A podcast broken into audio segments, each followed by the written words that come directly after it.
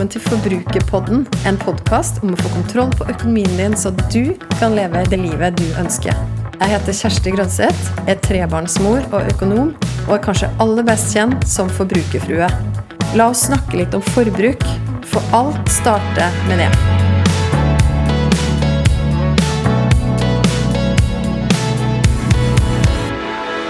Jeg snakka med en lytter her om dagen, Silje, som fortalte meg at hun vanligvis er god på struktur, planlegging og pengebruk og sparing, men som hun skrev til meg at i løpet av det siste året så har hun kjent seg litt demotivert. Det har plutselig blitt litt mer trøsteshopping og litt mindre sparing. Og nå lurer hun på hvordan hun kan komme seg tilbake i et godt spor. Så snakka jeg også med en annen lytter, Trine, som har lyst til å sette seg et konkret mål om å fylle på bufferen sin igjen før sommeren. I tillegg har hun lyst til å spare opp penger til ekstra kos i sommer, og også til en pott med penger som hun kan kjøpe klær for. I tillegg, når vi snakka sammen, så fant du ut at oi, vet du hva, jeg har jo faktisk også 15 000 kroner på kredittkortet, eller kredittkortgjeld, som jeg ønsker å kvitte meg med også før sommeren. Så jeg ble inspirert av de her to damene sine eh, fortellinger, og derfor har jeg lagd denne episoden med ti helt konkrete ting du kan gjøre i økonomien din akkurat nå for å bounce back litt, eller komme tilbake på sparehesten, som Silje kalte det, på vei mot å nå målet ditt. Denne episoden er også for deg som er, klar, å, som er klar for å sette deg et helt nytt sparemål og gi alt du kan for å nå det. Er du klar for lista? Nummer én se på sparemålet ditt. Er det konkret? Er det noe som virkelig motiverer deg? Jeg vil anbefale deg å ta fram et stort, hvitt ark og skriv målet i midten av arket.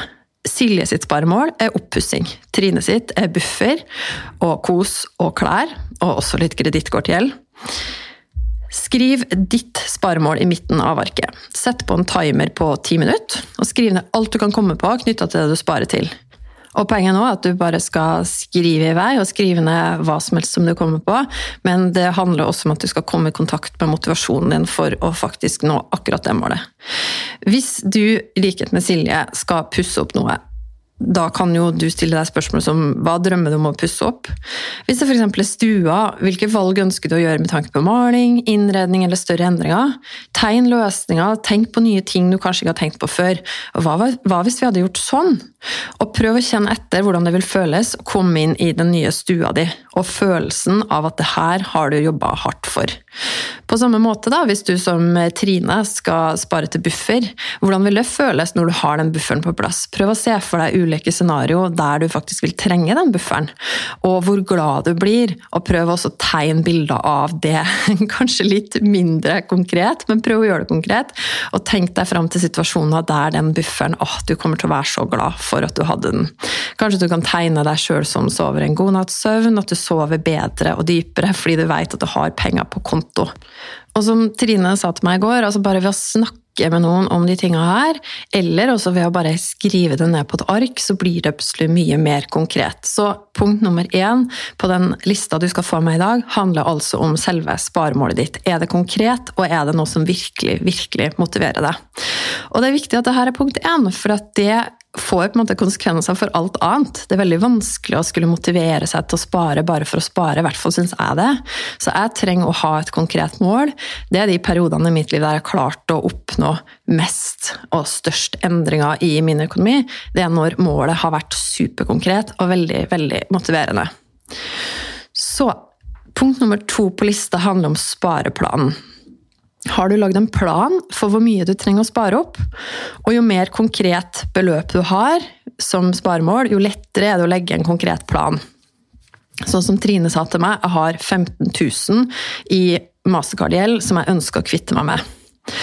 Det aller mest motiverende da, syns jeg, det er å ha en plan. Enten en spareplan i en app, eller en egen konto i nettbanken, hvor du da først finner ut hva er det konkrete målet ditt. Det har du jo kommet fram til også i sted. Hva er det du sparer til, og hvor mye trenger du? Og la oss si at du f.eks ta det oppussingseksempelet. Du trenger 30 000 for å få din drømmestue. Og da er jo spørsmålet hvor fort ønsker du å nådd det målet? For setter du av 10 000 i måneden eh, nå framover, så har du jo spart opp pengene på tre måneder. Det vil si at du kan sette i gang med full oppussing etter sommerferien. Eller kanskje du skal sette deg noen mindre delmål. La oss si at du trenger 10 000 til maling og bytte av lister, og du ønsker å komme i gang så fort som mulig. Så hvis du setter av penger fra lønna nå i mai og i juni, og kanskje nå feriepengene, så vil du kunne komme i gang med arbeidet i sommerferien. Hvis du skal gjøre mye større endringer som vil koste mer, så kan det være veldig motiverende å lage spareplaner på mindre beløp og følge med på hvor fort du kan nå et delmål. Og nå kan det hende at du ønsker å spare til noe helt annet enn oppussing. Det kan jo være ferie, f.eks., eller sånn som Trine igjen, at du ønsker en større bufferkonto. Og prinsippet det er uansett det samme. Gjør målet ditt så visuelt og konkret som mulig, som vi snakka om i sted. Sett et konkret beløp, og finne ut når du ønsker å ha nådd det målet. Så finner du ut hvor mye du da trenger å legge opp i en plan.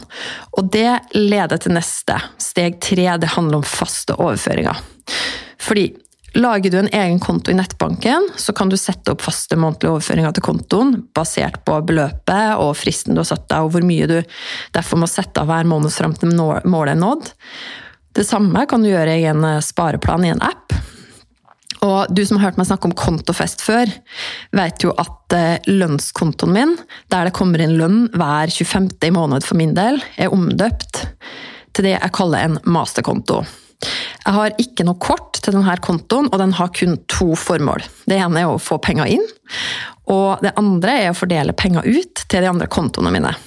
Hvis du også lager en sånn konto i nettbanken, så kan du sette opp en fast overføring fra denne masterkontoen til sparemålet ditt nettopp den dagen du får lønn. Og hvis du har et stort sparemål med et høyt totalbeløp som du planlegger å spare opp til over flere måneder, er noe av det mest motiverende det å sjekke denne planen enten i appen eller på kontoen da, for å, etter noen måneder f.eks. og se at wow, den har jo vokst helt uten at du har tenkt over det. Det er jo det som er hele magien i å sette opp faste overføringer. Det er penger som du da glemmer å tenke på, og så vips, så har du de der. Jeg pleier å gjøre det samme også med sånne små ikke store sparemål nødvendigvis, men sånne små minibuffere. For eksempel har jeg funnet ut at å, det er veldig smart å sette av penger til vedlikehold av boligen, eller service på bil eller sånne ting, eller tannlegen for den del, som ikke på en måte går av den store bufferkontoen. Og når jeg har gjort det nå, så har jeg blitt overraska sjøl over hvor fort eh, det kommer Eller plutselig står litt penger da, inne på de kontoene. Rett og slett bare fordi jeg ikke tenker over det. Det skjer på automatikk. Og når jeg trenger de pengene, så vips, så er de der. Helt genialt. Ok, Så punkt nummer fire på lista Nå har vi jo snakka om at sparemålet ditt skal være så konkret som mulig. Ha en spareplan og sette opp faste overføringer til den. Det fjerde handler om ekstra innbetalinger. Nå framover så kommer det potensielt flere anledninger hvor du kan gi spareplanen din en ekstra boost. Og allerede i mai får de første feriepengene sine. Får det, f.eks. Og det kan hende at du har lyst til å prioritere noen av de her inn på spareplanen din akkurat i år. Tenk gjennom hvor mye du vil sette over til sparinga på forhånd, så er du klar når beløpet kommer inn på konto. Og lurer du på hvordan du kan beregne hvor mye du kommer til å få i feriepenger, det kan jo være litt gøy å prøve å regne på før du, til og med før du har fått det inn på konto. Eh, det ene du trenger å vite da, er hvor mye du får i feriepengeutbetaling på bakgrunn av det du tjente i fjor. Og det andre er hvor mye du kommer til å bli trukket for de feriedagene du skal ta ut i år. For å finne feriepengeutbetalinger kan du google 'hvordan beregne feriepenger' og finne en kalkulator.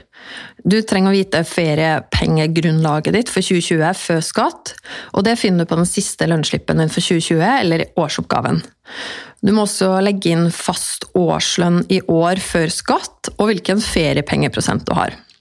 Hvis du har fire uker pluss én dag ferie, som veldig mange har, så har du 10,2% i eh, feriepengeprosent. Hvis du har fem uker ferie, er det 12% og En sånn kalkulator den greier da å beregne hva du vil få utbetalt i feriepenger i år, etter at du er trukket for årets feriedager. Og Det kan jo være fint da, å planlegge allerede før du får feriepengene hva du ønsker å bruke det til, om det er til ferie, eller om de skal gå til å gi spareplanen din et ekstra løft. Hvis spareplan, nei, sparemålet ditt er noe litt kjedeligere enn ferieoppussing, som f.eks. buffer eller nedbetaling av gjeld, kan det jo hende at det føles kjipt å skulle bruke feriepengene til sparinga di, og jeg forstår det. Det er til og med en hel teori bak det her innenfor det som kalles atferdsøkonomi, som er en blanding av økonomi og psykologi, som sier at vi ofte lager oss sånne mentale regnskap hvor vi deler inn hvilke penger vi skal bruke på hva. Og Hvis du vil høre mer om det her, kan du bla deg tilbake til episoden som heter 'Hvorfor smarte folk tar dårlige pengevalg og hva du kan gjøre', som ligger i biblioteket mitt. Men sannheten er at hver krone du får inn på konto, den er akkurat like mye verdt, i den forstand at den kan brukes til å gi deg akkurat det samme. Og da handler det til syvende og sist bare om hva som er viktigst for deg akkurat nå. Ta frem det arket hvor du har skrevet ned målet ditt, og fyll på med flere punkter hvis du trenger enda mer motivasjon. Spesielt hvis du sparer til buffer eller nedbetaling av gjeld. Tenk nøye gjennom hva som motiverer deg, og hvorfor du ønsker å nå målet. Og mest sannsynlig kommer du da til å være mer villig til også å bruke av de hellige feriepengene til å komme litt nærmere målet.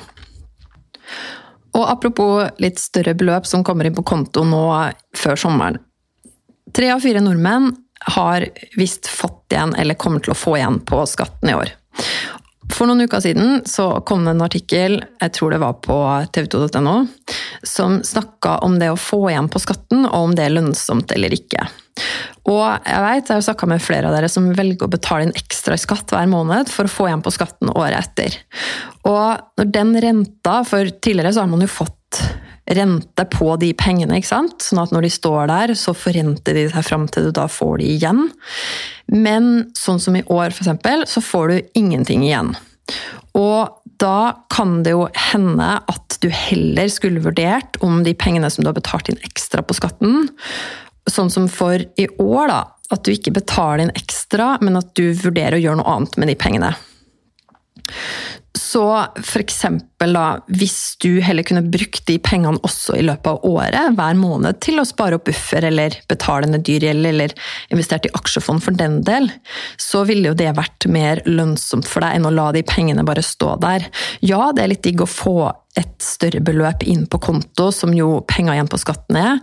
Ja, det er surt også med restskatt der og da, men det er faktisk sånn at hvis du planlegger for at du ikke skal betale for mye skatt når du ikke får rente på det, så vil det være mer lønnsomt for deg sånn som situasjonen er akkurat nå. Og så I tillegg hver måned så kunne du også brukt de pengene istedenfor å betale inn mer skatt. Så kunne du sette av til et annet sparemål. Og det ville kanskje gitt deg enda mer motivasjon ved at du ser at du kom nærmere målet hver eneste måned. Så for skattekortet ditt i år da, anbefaler jeg deg å gå inn der og så bare sjekke at det ligger så riktige opplysninger som mulig der om både inntekten din og fradrag, inkludert gjeldsrenta hvis du har det. Sånn at du betaler så riktig skatt som mulig. Så kan du heller planlegge de pengene du får inn på konto hver måned, i henhold til dine prioriteringer. Kanskje får du igjen på skatten i år fordi du har fått mer i fradrag enn du regna med. Det kan jo være fordi du har spart i BSU, IPS, fått mer rentefradrag enn det som lå inne i skattekortet, eller du har gitt gaver til frivillige organisasjoner, eller det kan være andre fradrag. Og de pengene, når du først får penger igjen på skatten, så er det jo supermotiverende å bruke de for å komme langt på kort tid i spareplanen din.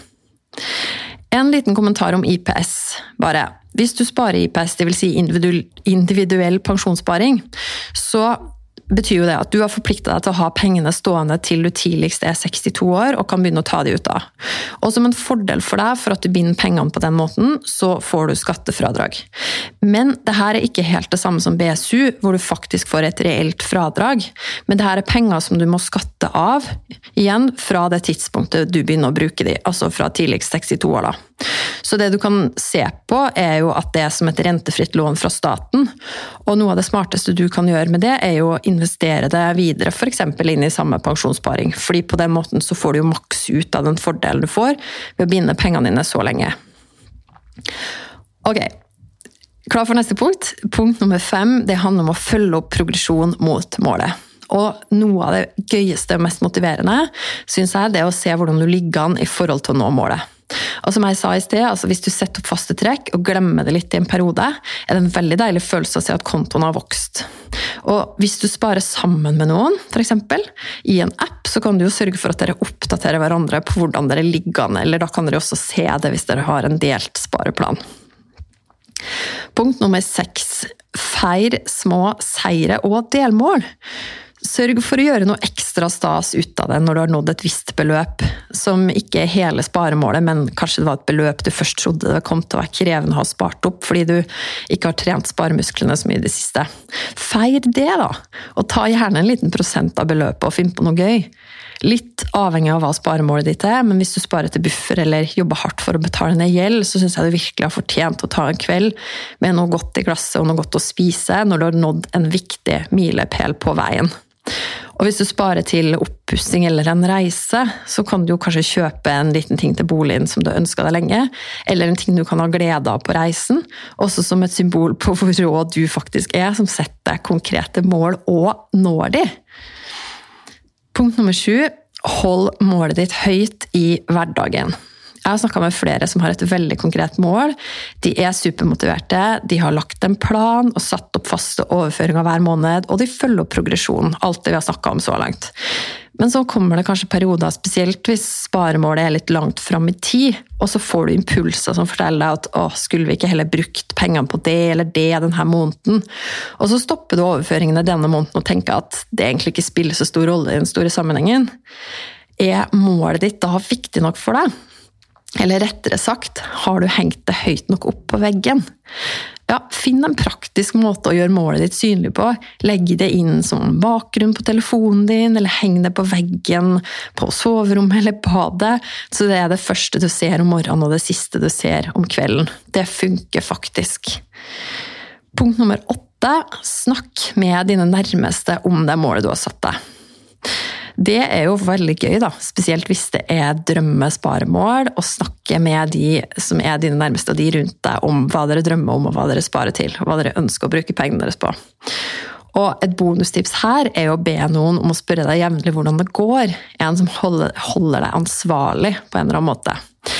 Og med en av de som eh, jeg snakka om i sted, Trine som skal spare opp både buffer og betale ned gjeld nå, så ble vi faktisk enige om at vi skal følge opp hverandre litt på det. Eller at jeg får lov til å spørre hun hvordan det går. Og da kjente hun, skrev til meg at nå kom motivasjonen litt tilbake. Så finn noen som kan spørre deg, som kan holde deg ansvarlig på hvordan det går. Punkt nummer ni tenk ut en konsekvens hvis du ikke når målet, eller hva du konkret skal gjøre den dagen du når det. Det er visst sånn at 95% av alle mennesker generelt blir mer motivert av å unngå straff enn å få belønning. Ikke spør meg om kilden til den statistikken, men det er bare noe jeg har hørt. Hvis du kjenner deg igjen i det, så kan det jo være smart å tenke ut noe du kan gjøre hvis du ikke når målet ditt innen den datoen du har satt noe flaut, eller noe som koster deg på en annen måte. Jeg tror jeg tilhører den 5 det her ikke funker på. Så når jeg skal motivere meg sjøl til å nå et mål innen en viss frist, så lager jeg en veldig fin plan på en skikkelig hyggelig ting som jeg skal gjøre den dagen jeg faktisk har klart å nå målet mitt. Punkt nummer ti, og nå går vi inn for landing, det her er siste punkt. Ta pulsen på deg sjøl jevnlig underveis når du sparer til et konkret mål. Hva gjør sparingen med deg? Blir du gira og får høy puls fordi du lærer at du faktisk kan få til ganske så kule ting bare du bestemmer deg for det? Har du hvilepuls fordi du kjenner at det her vil gi deg den roen du trenger framover, fordi du vet du bygger buffer eller betaler ned gjeld som vil frigjøre penger umiddelbart når du er ferdig med nedbetalinga, og hver eneste måned framover? Sjekk inn med deg sjøl hva sparinga gjør med deg underveis, og juster også kursen. Om det er å flytte på fristen for å kunne nå målet fordi det har oppstått ting underveis, eller om det er å finne løsninger som gjør det enklere for deg å ta gode valg underveis i hverdagen når du holder på med sparingen.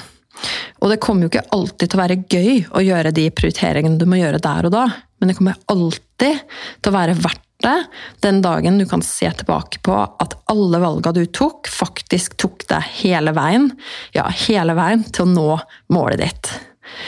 Så nå håper jeg du har blitt inspirert til å komme deg tilbake på sparehesten, som Silje kalte det, eller sette deg et nytt mål hvis du ønsker det, og det her er en kjempegod timing. Fordi det er veldig motiverende f.eks. Å, å spare opp til noe som handler om sommeren i år, og også kunne bruke noen av de beløpene som du får inn, de store beløpene som du får inn på konto nå, til å bestemme deg for å booste ditt eget sparemål. Så masse lykke til, og send meg gjerne en melding hvis du også ønsker at jeg skal være den som du forteller sparemålet til, og at jeg også kan være den som spør deg om hvordan det går, og holder deg litt ansvarlig på det. Du vet hvor du finner meg, heietforbrukerfrue.no eller innboksen på Instagram. Så ønsker jeg deg en fantastisk fin dag.